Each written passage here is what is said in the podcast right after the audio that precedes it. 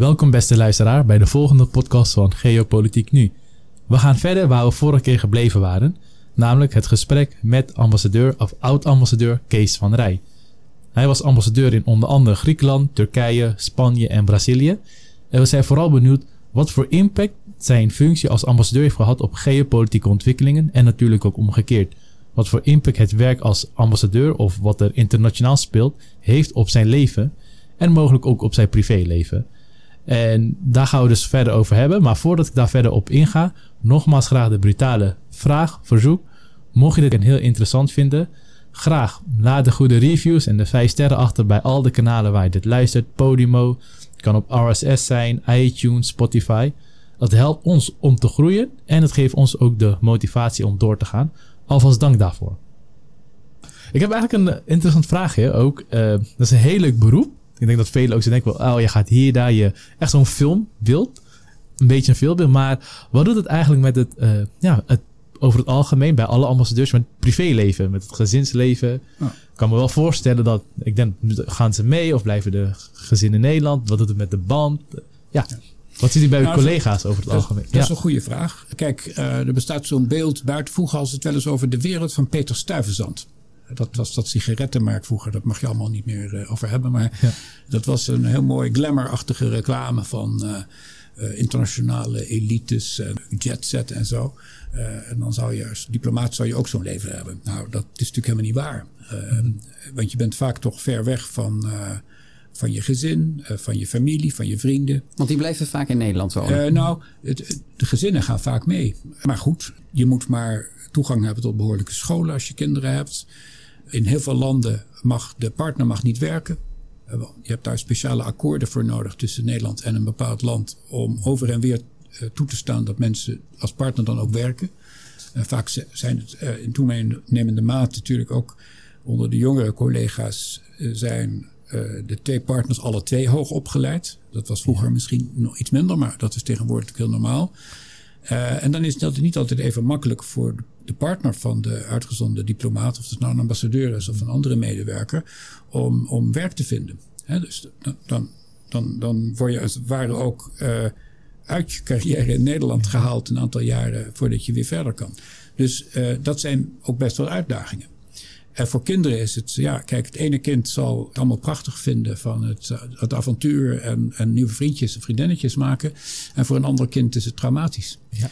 Dus dat verschilt enorm. Dus het, uh, het, het, vergt een, daardoor ook als je als gezin naar buiten gaat, is mijn ervaring, echt een hechte band met je vrouw, in mijn geval, en kinderen je moet daar ook veel aandacht aan besteden. Je bent natuurlijk 24 uur per dag in touw. Want je bent altijd bereikbaar. Toch met je niet midden in een crisis zeggen van... Uh, ik ben even aan het dineren met mijn vrouw. Ja, precies. Dat, dat, dat kan dan niet. Of ik heb zelf meegemaakt dat ik om, uh, op een zaterdagnacht om één uur uit mijn bed gebeld werd. Want er was een Nederlander ergens gearresteerd. En dan moest meteen een advocaat geregeld worden. Om één uur s'nachts op een zaterdag. Dat gebeurt gewoon. Dat zal in Nederland bij een ambtenaar wat minder vaak gebeuren. Dan heel uitzonderlijk misschien, maar dat gebeurt niet zo vaak. En dat is mij toch wel een aantal malen overkomen. Maar dat weet je. Hè? Daar word je ook voor betaald. Ik bedoel, dat, is, dat maakt deel uit van, je, van, van, het, van het beroep dat je dan hebt. Dus het heeft zeker grote. Ik ben altijd bevoorrecht geweest die functies te mogen werken. Want je ontmoet altijd hele interessante mensen in zo'n land. Waar je misschien in een andere hoedanigheid minder snel toegang toe zou hebben. dus mensen die in zo'n land belangrijk zijn voor de cultuur, voor musea, voor de economie, uh, politiek bestuur. Je ontmoet altijd interessante mensen. En mensen die het in zo'n land invloed hebben. En dat is het voordeel daarvan. Maar het heeft dus ook wel uh, andere kanten die niet altijd gezien worden, maar die er ook zijn. En daar moet je dus wel stevig in je schoenen staan. U, ont, u ontmoet uh, natuurlijk heel veel interessante partners, uh, of partners die u graag willen opbouwen. Hoe gaat u om met andere ambassadeurs in het land zelf? Dus de Duitse ambassadeur in Griekenland ja. of in Turkije of de Spaanse. Daar ben ik ook wel benieuwd naar. Hoe is die ambassadeurswereld? Ontmoet die elkaar vaak? Dat hangt er een beetje van af, maar dat hangt er een beetje van land tot land. Maar er is in ieder geval uh, in de landen van de Europese Unie is een hele hechte samenwerking tussen de andere ambassadeurs van de EU-landen. Ja, dus je hebt uh, bijvoorbeeld in Spanje, hè, dan minus de Spaan, Spanjaard, want dat is in Spanje. Uh, dat met de 26, 27 lidstaten, met de 26 ambassadeurs van de Europese Unie heb je heel regelmatig contact. En, na, En naarmate wat voor? Gaat het dan via Microsoft Teams? Bellen jullie Nee, vaak nee, of spreken jullie af? Gaan jullie dineren? één keer, één keer per maand een lunch bijvoorbeeld, een werklunch. Met z'n allen. met z'n allen. En dan nodig je bijvoorbeeld een spreker uit. Een, een, een belangrijke Spanjaard of een belangrijke Griek. Die iets vertelt over nou, schip, scheepvaart of over transport of over eh, milieu. Of, eh, iets- dat En in kan welke taal gebeurt dat? Is dat vaak nog het de Engels, toch? Engels, Engels, Oké. ja. Engels. En in, eh, in Spanje alle, echt alles in het Spaans overigens. Dat eh, gaat niet het Engels in Spanje. Dat is een wereldtaal. Dus eh, daar moet je in- in- alles in het Spaans. En in Brazilië ging het echt al, ook allemaal in het Portugees. Dus Griekenland Engels, Turkije ook Engels. Oké. Maar ehm, dus dat, die samenwerking is dus heel hecht. En, nou, en je hebt natuurlijk daarbinnen heb je, kijk, al die landen hebben dus van de EU hebben bijvoorbeeld een ambassadeur in Griekenland of in Spanje. Maar sommige van die ambassadeurs die hebben een voorgeschiedenis die er misschien wat meer lijkt op jou, op mijn voorgeschiedenis. Dus veel Europese Unie en zo. Heb je daarbinnen vaak nog weer iets hechtere samenwerking, omdat je precies weet hoe bepaalde dossiers werken, ook in Brussel, om maar iets te noemen. Eh, dus dat hangt er een beetje van af. Maar eh, over het algemeen zijn die relaties hecht. In de meeste landen heb ik ook altijd goede relaties gehad met de Amerika Amerikaanse ambassadeur. Japanse ambassadeur. Heb ik dus ook een beetje de ring eh, om de Europese Unie heen. Maar dat is erg afhankelijk van de persoonlijkheden en van eh, nou ja, hoeveel tijd je hebt. Dus uiteindelijk moet je je werk zelf doen. En, eh, maar goed, het is altijd goed om gelijkgezinden te zoeken en te vinden. Want daarmee kun je met nog meer overtuigingskracht bepaalde doelen nastreven.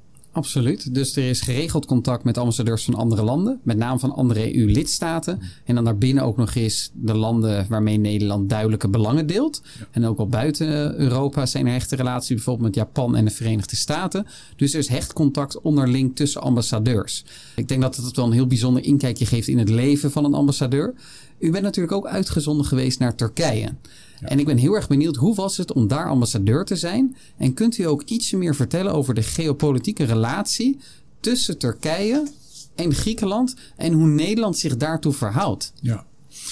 Eh, Turkije is denk ik een van onze, eh, geopolitiek gesproken, ook een van onze belangrijkste posten.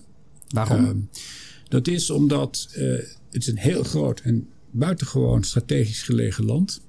Tussen Europa, het is ook Europa. Hè. Turkije is eh, formeel ook een Europees land. eh, maar ook eh, Azië, Centraal-Azië en de Arabische wereld. Ehm, en omdat wij een heel grote Turks-Nederlandse bevolking hebben in Nederland. Het gaat om veel mensen. Die allemaal, ook, 400.000 ongeveer. die allemaal sterke banden ook nog hebben met het land van hun vaders en grootvaders en voorvaders.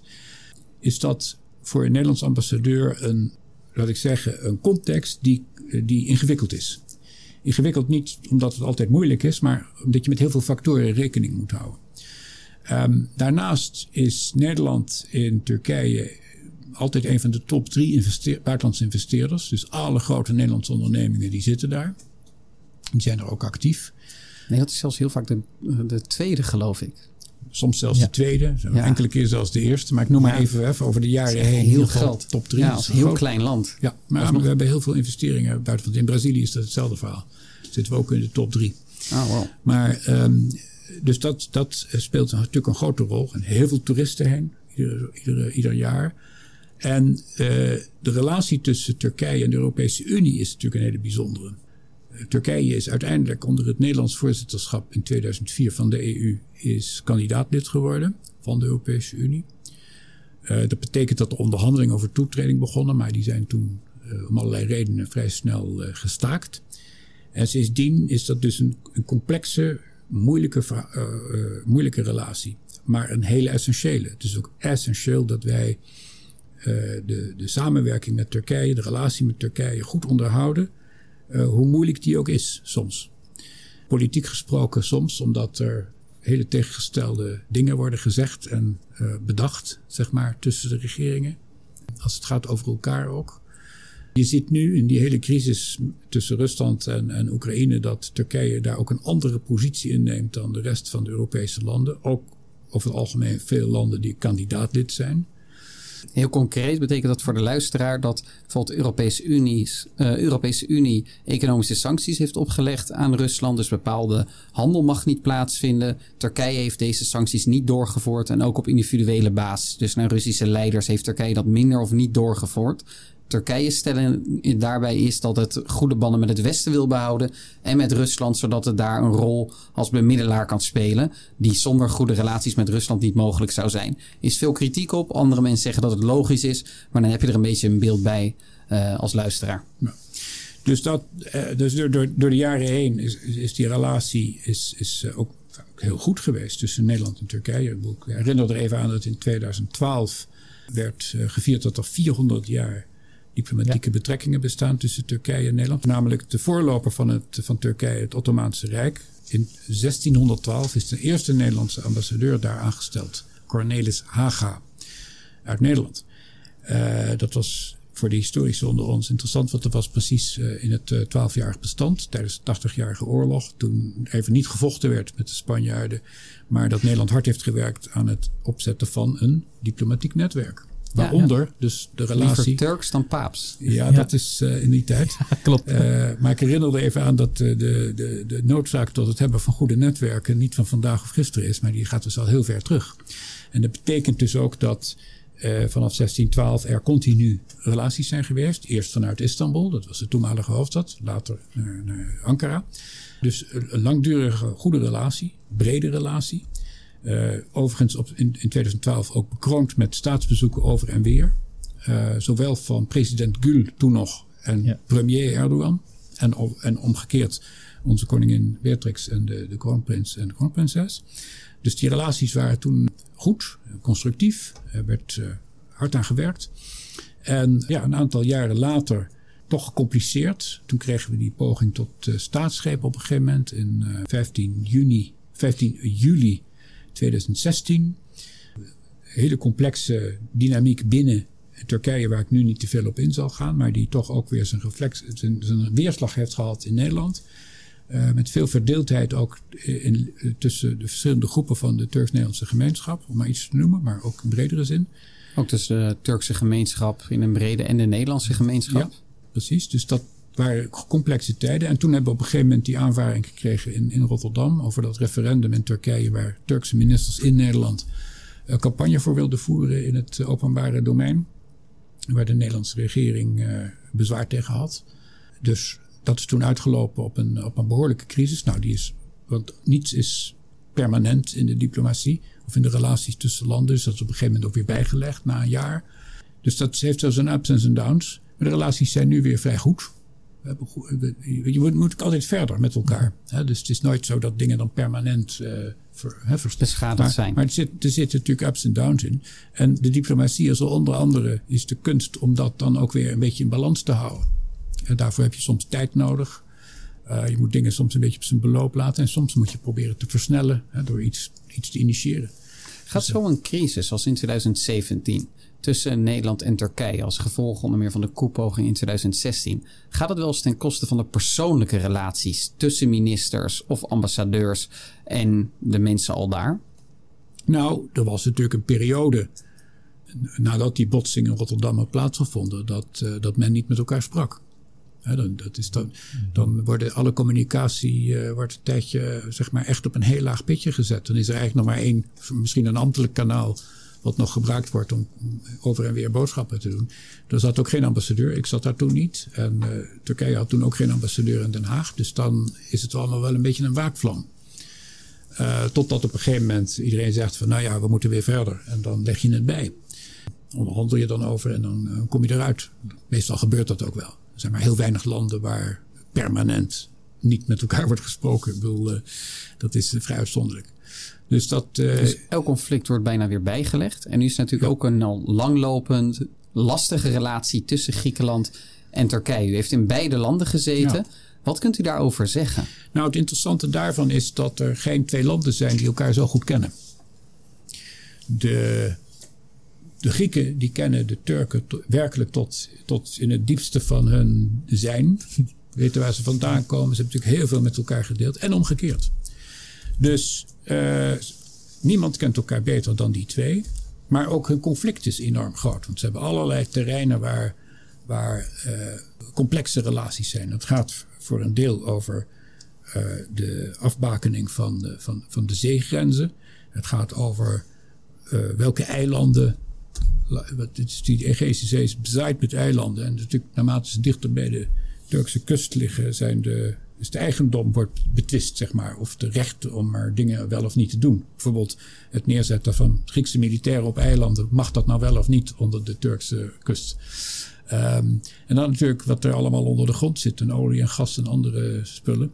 Uh, ook rond en om Cyprus. Uh, dat speelt natuurlijk ook een rol. Dus heel gevoelig. Net als natuurlijk. Uh, het recht van wie mag waar varen en dat soort zaken. Dus er is vliegen die uh, dagelijkse vluchten. Maar ik heb in beide landen gezien dat iedere keer als er een soort crisis, en die zijn soms dagelijks, kleine dingen die even opflakkeren, dat ze waanzinnig snel kunnen communiceren om het weer uh, de kop in te drukken. Uh, zo heeft de, heb ik, herinner ik mij nog goed dat de, het ministerie van Buitenlandse Zaken in Athene, in Griekenland, is een directeur Turkije. En er is een directeur Griekenland in Athene.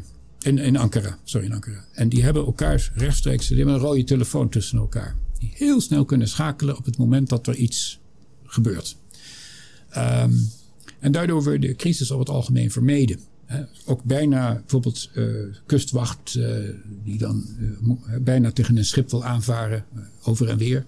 Of, of, search and rescue operaties op zee. vindt dat wel of niet in een toegestaan gebied, volgens de kaarten van de een of de kaarten van de ander. Hè. Dan worden alle interpretatieverschillen. Maar de, les die ik heb getrokken hieruit is dat de, de, de ontvlambaarheid en de, het, het, het feit dat de zaken snel uit de hand kunnen lopen, meestal onmiddellijk wordt gecorrigeerd omdat de communicatie en kennis over weer ook heel groot is. Dus dat is één ding.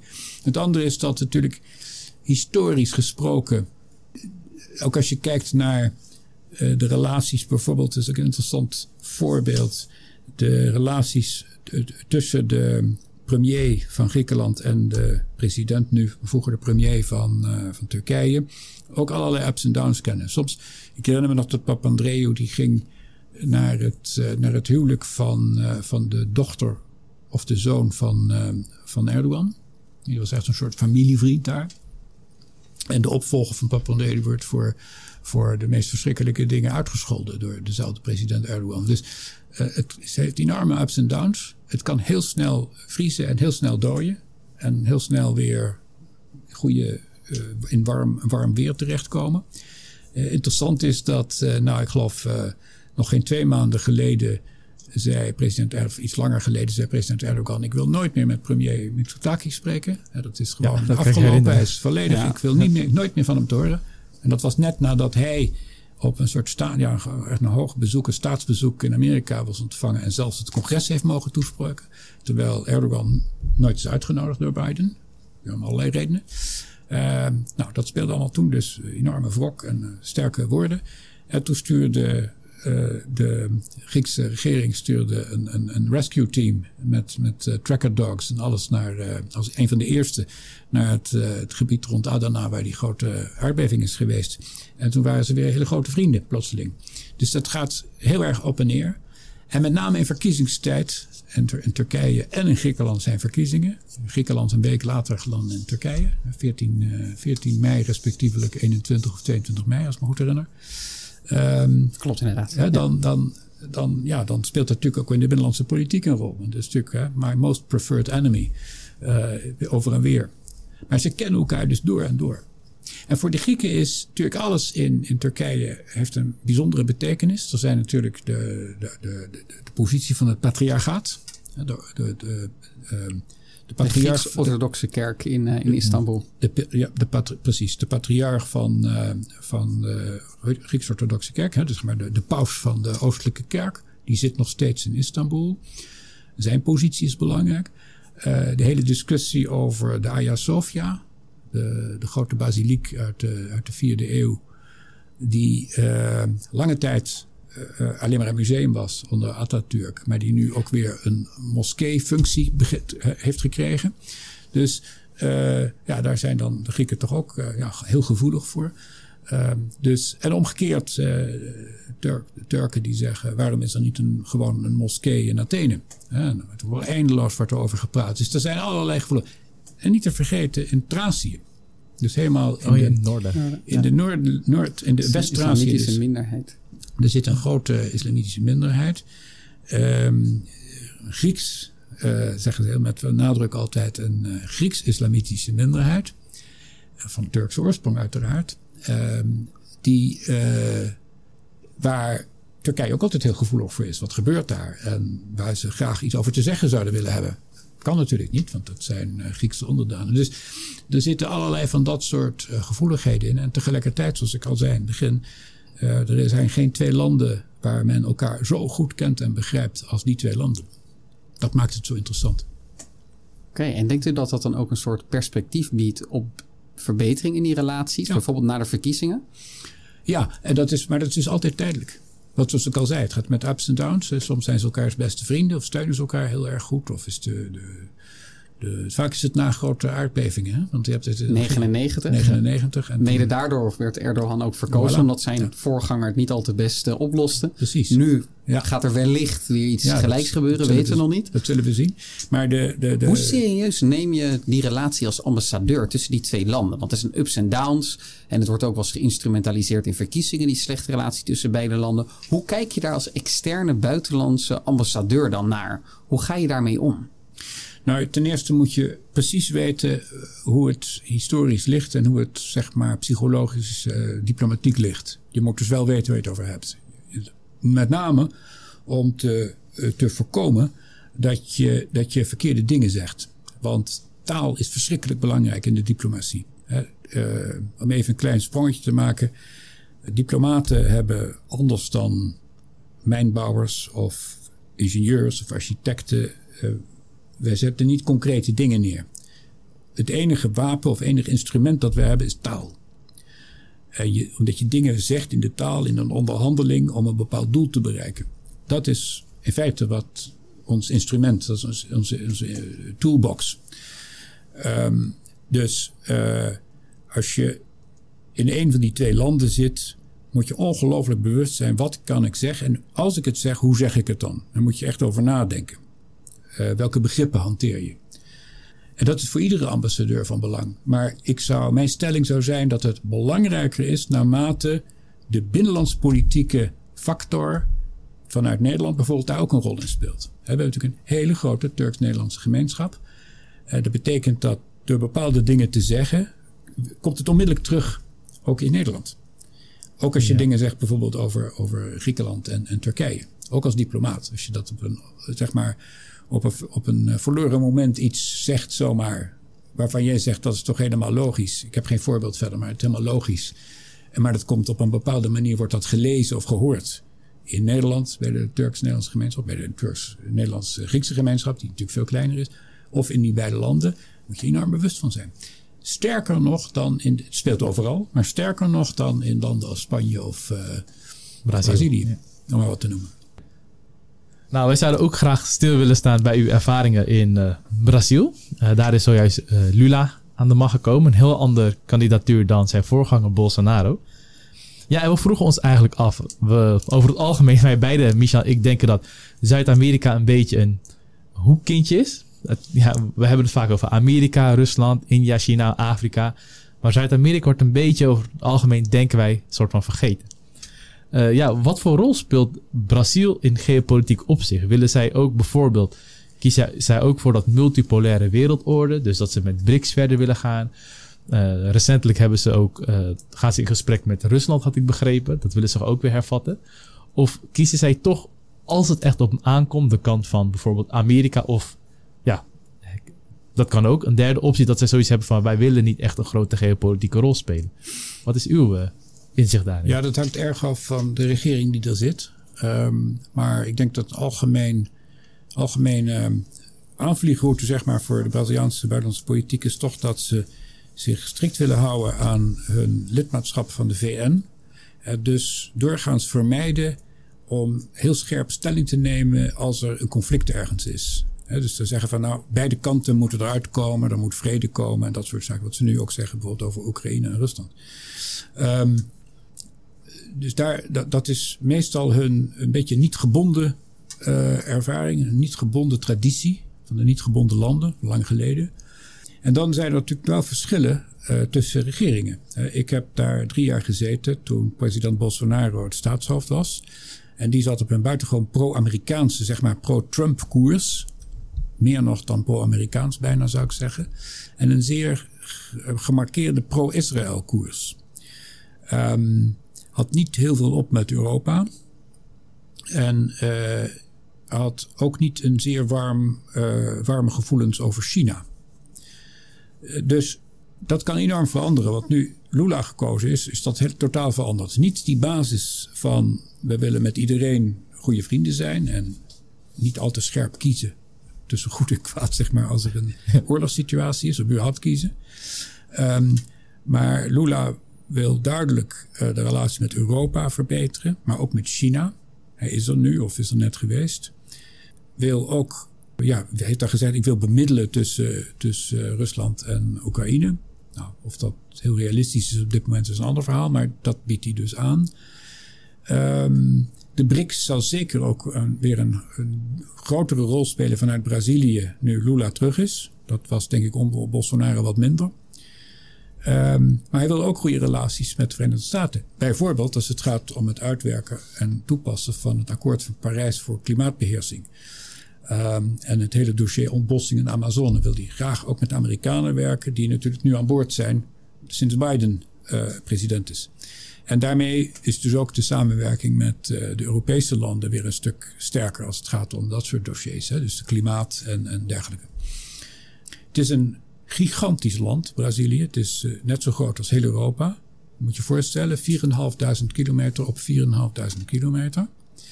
Een heleboel oceaan aan één kant, aan de andere kant een enorm goed uh, groen gebied, ja. de Amazone. Ook een soort zee, want daar wonen heel weinig mensen. 200 miljoen mensen. 210 miljoen mensen in uh, Brazilië, waarvan de overgrote meerderheid langs de kust woont en vooral ook in het zuiden zijn de grote steden, Sao Paulo, Rio enzovoort. Maar daardoor, als je dus kijkt naar die kaart met het idee waar wonen nou de mensen en waar wonen eigenlijk geen mensen, dan is het eigenlijk een soort eiland. Ja. Een groene zee en een blauwe zee. En aan de onderkant is het een beetje, zit het natuurlijk vast aan, aan Uruguay, Paraguay. Um, maar uh, staat dus heel erg op zichzelf. Dus ook binnen Latijns-Amerika is het echt een andere cultuur dat is, was voor mij toen ik daar was ook een van mijn ontdekkingen. Want ik heb lang geleden in jongere jaren in een andere rang uh, gewerkt op de Nederlandse ambassade in Peru. En ik ken dus een beetje de Latijns-Amerikaanse, de Andes-cultuur, zeg maar. Totaal anders. Hele andere emoties, hele andere geschiedenis, hele andere vorm van samenleving. Uh, voor een deel Portugees beïnvloed, maar er zit van alles. Ook Afrikaans door allerlei, hè, de geschiedenis en de slavernij en, en de, nou ja, hoe dat allemaal gegaan is met die grote landbouw, uh, landbouwgebieden enzovoort. Dus uh, een fascinerend land, een wereld op zich. Maar ook een heel rijk land. Uh, Brazilië is meestal, als je kijkt naar het geaggregeerde bruto nationaal product, zit altijd in de top 10, soms top 12. Het is nu een beetje minder, maar zit altijd in de top. enorme producent van allerlei landbouw- en veeteeltgoederen of dat een derde van de export, en dat is allemaal soja en, en dat soort producten, die gaan naar China. Heel, Rotterdam is de vierde bestemming van de exporten van, van Brazilië. En via Rotterdam de hele Europese markt. Ook heel veel soja en dat soort producten voor, voor veevoeder. Nou, heel veel discussie over nu, maar dat, is wel, dat zijn wel feiten. En er is daardoor dus ook een hele, eh, omdat het een hele protectionistische op zichzelf staande wereld heeft, die aan zichzelf genoeg heeft. Dus het is veel minder afhankelijk van handel met andere landen. Het is gewoon een hele grote, relatief rijke samenleving met heel veel spullen in de grond. En het gaat van edelstenen tot uh, kolen, gas, beetje de, alles. Een beetje ja. de Rusland, Zuid-Amerika, heeft alle ja, metalen. Alles. Ook geïsoleerd. Ja. ja. Maar wel een land wat toch veel opener is op de wereld. Uh, en wat ook samenwerking zoekt. Maar uit de geschiedenis altijd behoorlijk protectionistisch. Dus wat is er gebeurd in het verleden? Dat de bedrijven uit met name uit Europa natuurlijk lang geleden, maar ook internationaal. Bedrijven die iets willen in Brazilië, is export is verschrikkelijk ingewikkeld. En de markt is heel groot, maar de export er naartoe is heel goed. Dus wat hebben die bedrijven gedaan? Die zijn daar zelf gaan produceren. Dus je ziet alle grote Nederlandse uh, multinationals, ook, en ook kleinere bedrijven en gespecialiseerde producten, die zitten daar niet alleen, maar die produceren daar ook. Omdat het land zo afgeschermd was. Uh, dus die belangen zijn voor ons heel groot. En wij zitten ook daar, zitten we in de top, in de top drie uh, van de buitenlandse foreign direct investments, zoals dat heet. Hoe was het om daar te zijn als ambassadeur? Nou ja, we zaten in, uh, in Brazilia. En Brazilia is een van de meest vreemde steden die ik ken. In de zin dat het een stad is die helemaal niet bestond in 1960. En dus is een nieuwe, dat was de oude hoofdstad was Rio. En er is dus een nieuwe hoofdstad gebouwd. Door één architect, door één, uh, zeg maar, uh, inrichter van nou, waar alles moest staan. Hè? Dus een, een ruimtelijke inrichter. En één voor het groen. En met z'n drieën hebben ze. Oscar Niemeyer is de, de beroemdste architect. Die heeft de, de mooie gebouwen neergezet. Uh, dan had je Lucio Costa. Die heeft dus de ruimtelijke ordening van die stad gedaan. In de vorm van een pijl en boog. Of een vliegtuig met, uh, met uh, vleugels. En waar de, de cockpit de regering zit. En dan heb je daar de ministeries. En dan waar de vleugels te, te romp raken staat de kathedraal. En dan in de vleugels zitten de banken en de hotels en de culturele instellingen. In de vleugels wonen de mensen. Is allemaal Bijlmermeers achter elkaar. En de ambassades liggen allemaal boven de vleugels. Want die hebben ieder een mooi groen, mooi groen, groen stukje grond met een huis en een kantoor erop. Maar het is een stad zonder industrie. Zonder nijverheid. Alleen maar overheid en bestuur. En bijna niemand, zeker van de mensen die wat ouder zijn, is daar eigenlijk geboren. Iedereen is ergens anders geboren. Dus in het weekend gaat iedereen weg. Naar Rio, naar Sao Paulo, naar andere steden. Dus het is een, een, een stad die heel, iets heel artificieels heeft. Uh, maar het is wel het centrum van de regering. En je hebt natuurlijk meer, meer landen waar op een gegeven moment de oude hoofdstad uh, niet meer op de correct politiek, geopolitieke plek lag. Dat is natuurlijk gebeurd met, met Istanbul, dat ging naar Ankara. Je zou kunnen zeggen, ja, New York was ook te machtig in alle opzichten. Dus dat is al heel snel Washington geworden. Dat is toch Ottawa in, uh, in Canada. Ja. Hè? Niet Montreal of, uh, of uh, de andere grote steden. Dus En wellicht gaat het ook nog gebeuren met Cairo en in Indonesië ja. met Jakarta. Ja, precies. Nou, dus die discussie is, is breder. Dus dat, dat maakt dat het, ja. Maar meestal is zo'n nieuwe stad, daar is dan toch al iets. Hè, er is iets van een kleinere stad of uh, nou, een soort geschiedenis. Want Ankara was een hele oude stad. Hè. Daar komt de Angora-wol vandaan. Hè. Dus dat was. En met allemaal uh, oude Griekse en Romeinse tempels hè, in het centrum van Ankara. Het was een kleine nederzetting en ook een Ottomaans fort op de. Dus daar kon je makkelijk een stad omheen bouwen. In de binnenlanden. Maar daar was niks. Dus ze hebben gewoon een enorm artificieel meer aangelegd. Want waar grote stad moet je ook water hebben. En dus is die stad gebouwd die op zichzelf fascinerend. We kregen heel weinig bezoekers daar, want ja, iedereen wil naar Rio of Sao Paulo.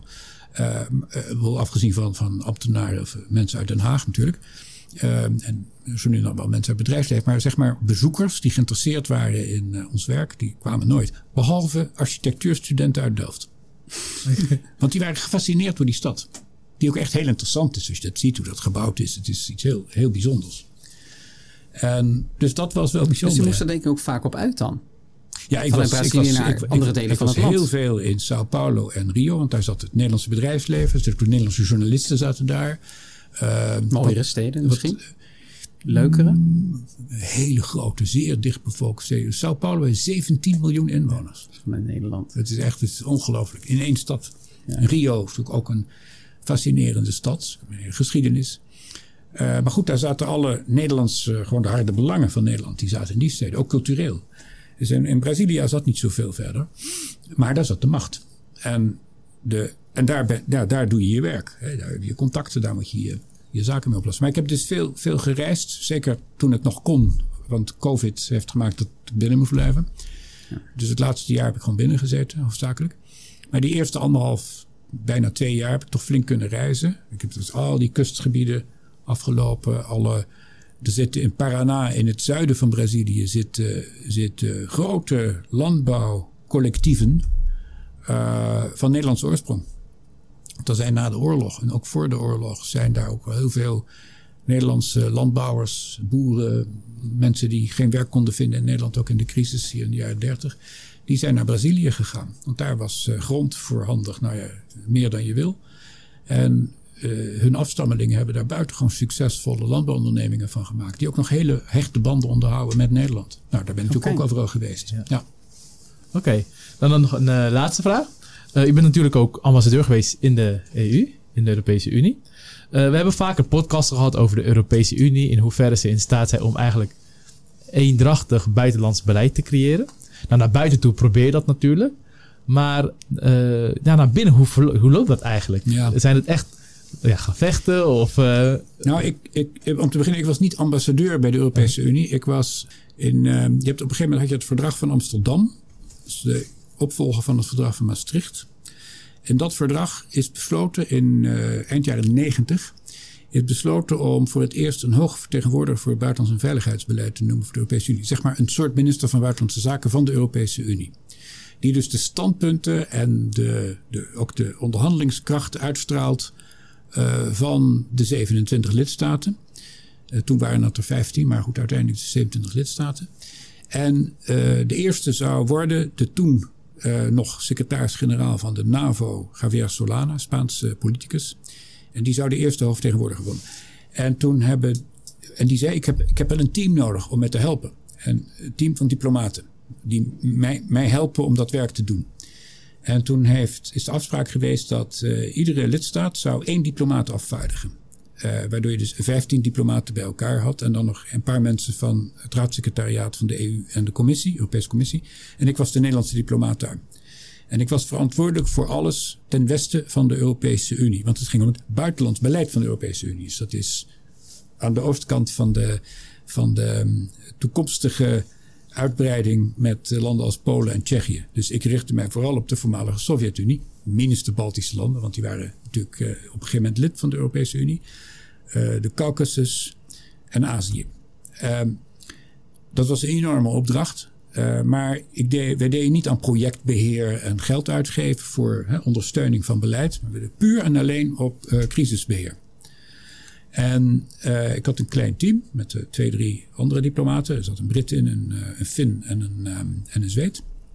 En met z'n vieren ondersteunden wij de Solana in alles wat ging voor, namens de Europese Unie in de relatie met wat er ten oosten lag. Nou, dat ging in de periode dat ik er zat, dus zeg maar tussen 2000 en 2005, ging dat om de relatie met Rusland, de relaties met Oekraïne, de relaties met Moldavië en dan met de drie Caucasische landen. Dat was de hoofdzaak. Maar andere dingen ook, ook met Noord-Korea bezig gehouden en met China en Japan. Maar dit was de essentie. En, en Afghanistan niet te vergeten. Maar dit was de essentie.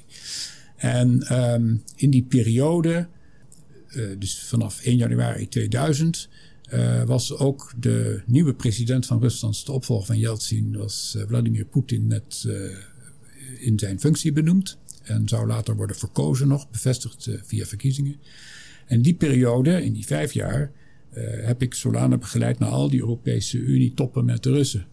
Dus ik heb in die eerste vijf, vijf en een half jaar heb ik, heb ik zeker twee, drie keer per jaar aan tafel gezeten als medewerker, maar goed, ook aan dezelfde tafel waar aan de andere kant eh, president Poetin zat.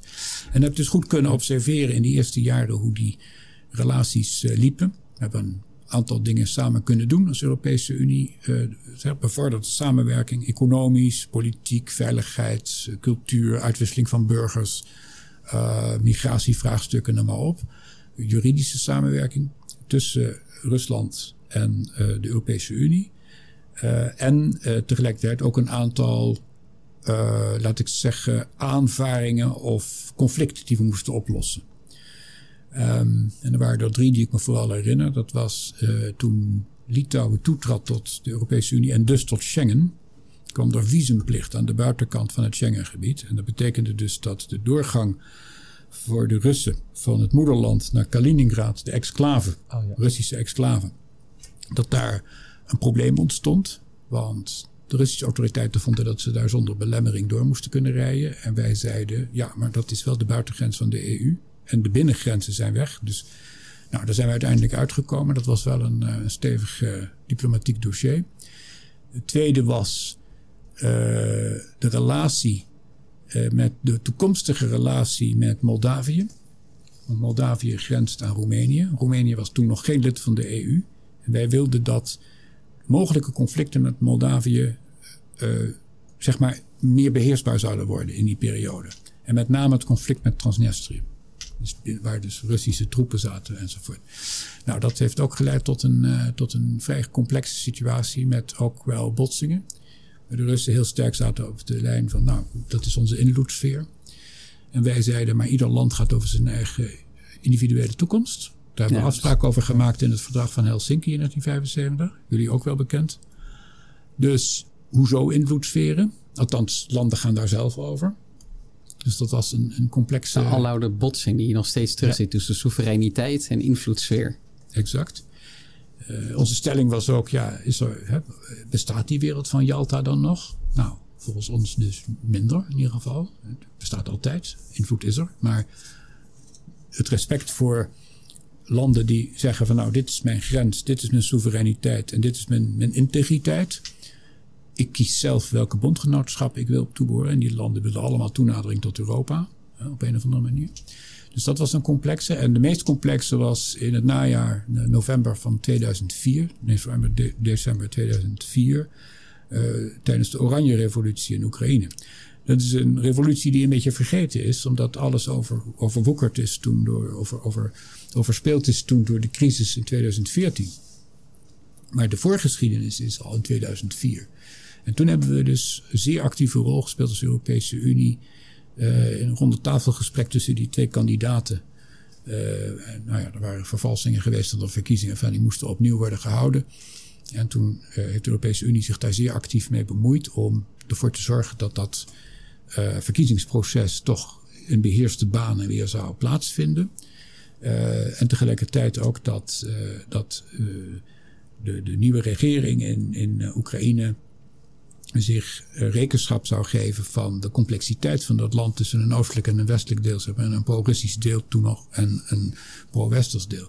Uh, heel ingewikkeld, want ja, het is, een land wat natuurlijk ook te, te strijden had met allerlei, uh, zeg maar, van aspecten van um, slecht bestuur, kwalitatief niet erg goed bestuur, corruptie, geweld. Dus uh, heel ingewikkeld.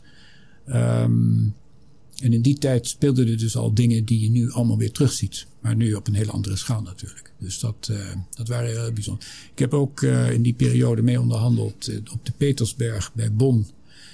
om een nieuwe Afghaanse regering in het zadel te helpen in het najaar van 2001. Um, ehm, daar was de Europese Unie natuurlijk nauw bij betrokken. maar ook de Amerikanen en, en nou, Hamid Karzai. Uh, Karzai is daar op het schild geheven.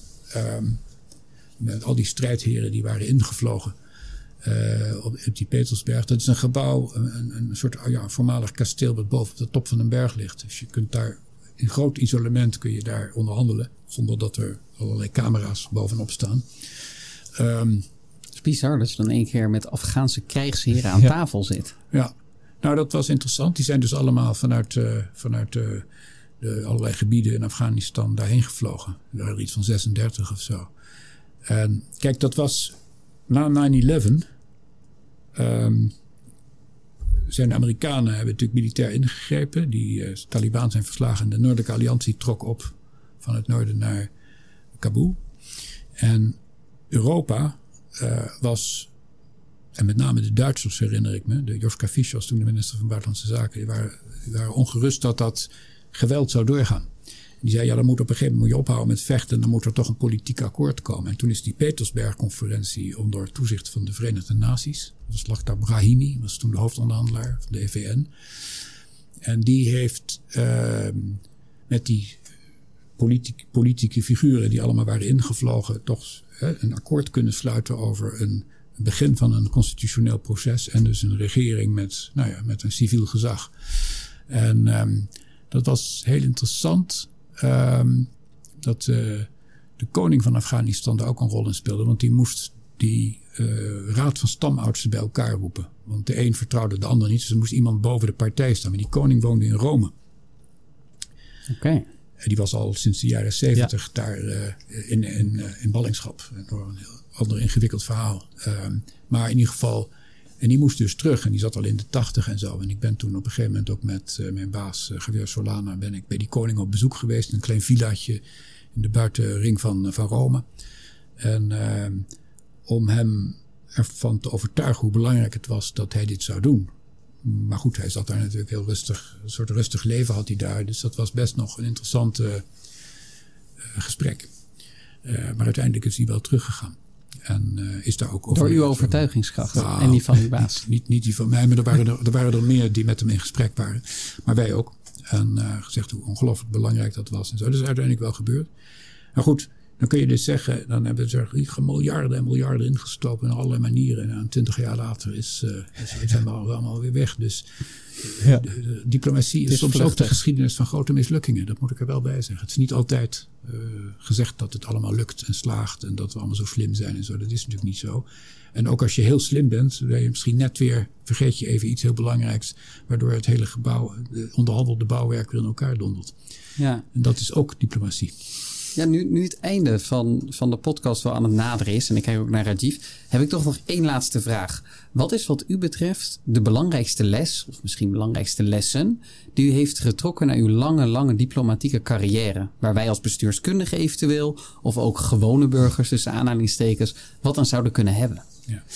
Uh, dat is een hele goede vraag. Uh, eigenlijk een vraag waar ik nog eens even over zou moeten nadenken. Maar uh, mijn eerste reactie erop is uh, hoe ongelooflijk het belangrijk is dat als je met mensen uh, in, in, in allerlei functies uit een andere cultuur onderhandelt, moet je je altijd verdiepen in waar die mensen vandaan komen.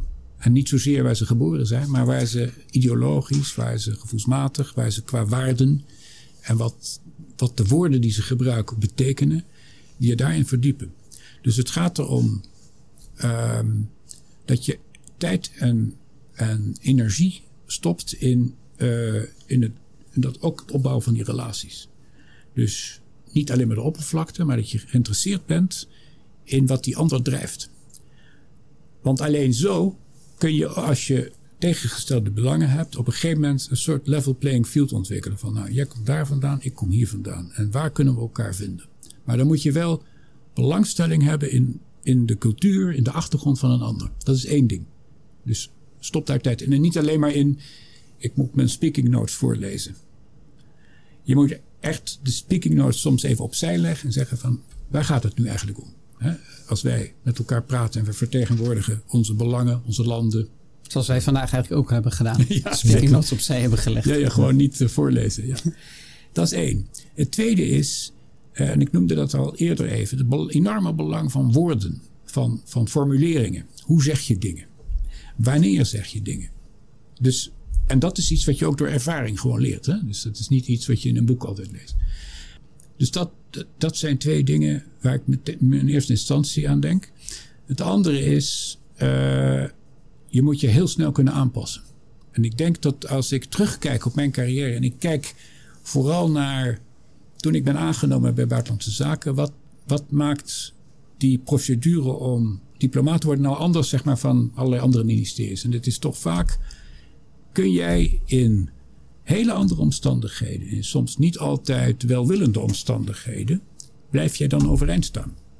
Met andere woorden, uh, ben je robuust, heb je weerstandsvermogen, maar ben je ook flexibel? Dat is natuurlijk essentieel.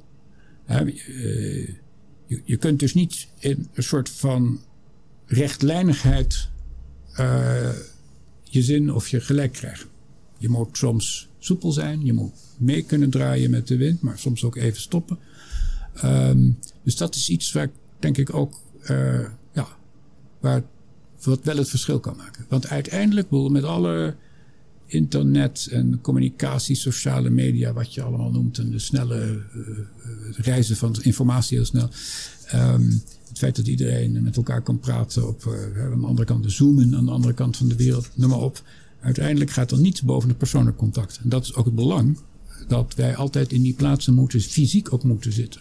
Je kan niet de belangen die je hebt alleen maar op een afstand een beetje formeel aftikken. Dat werkt niet. Je moet er zijn. Je, moet er zijn. Grote belangstelling tonen, een andere cultuur, je erin verdiepen. En relaties opbouwen en weet wat de betekenis is van een bepaald woord of concept. En nu zijn we aangekomen bij het einde van onze tweedelige podcast over het leven als een ambassadeur. Meneer Kees van Rij, we willen u echt heel diep bedanken voor de inzichten die u ons heeft gegeven. Het heeft ons heel veel geleerd over hoe het werk van een ambassadeur er nou precies uitziet. Natuurlijk, wij hebben vele podcasten over het geopolitieke spel. Maar het is leuk om dit keer te horen hoe het spel eigenlijk van binnenuit wordt gespeeld. En daar heeft u ons heel erg bij geholpen en ook onze luisteraars. En ook aan jullie de luisteraars, we hopen dat jullie het heel interessant hebben gevonden. Wij het zeker. En ook, ja, mocht je het leuk vinden, nogmaals kort. Uh, ja, tuurlijk, abonneer je, geef de reviews de 5 sterren. Help ons mee te groeien, zodat wij jullie helpen om ja, door te gaan met dit soort hele leuke en interessante gesprekken.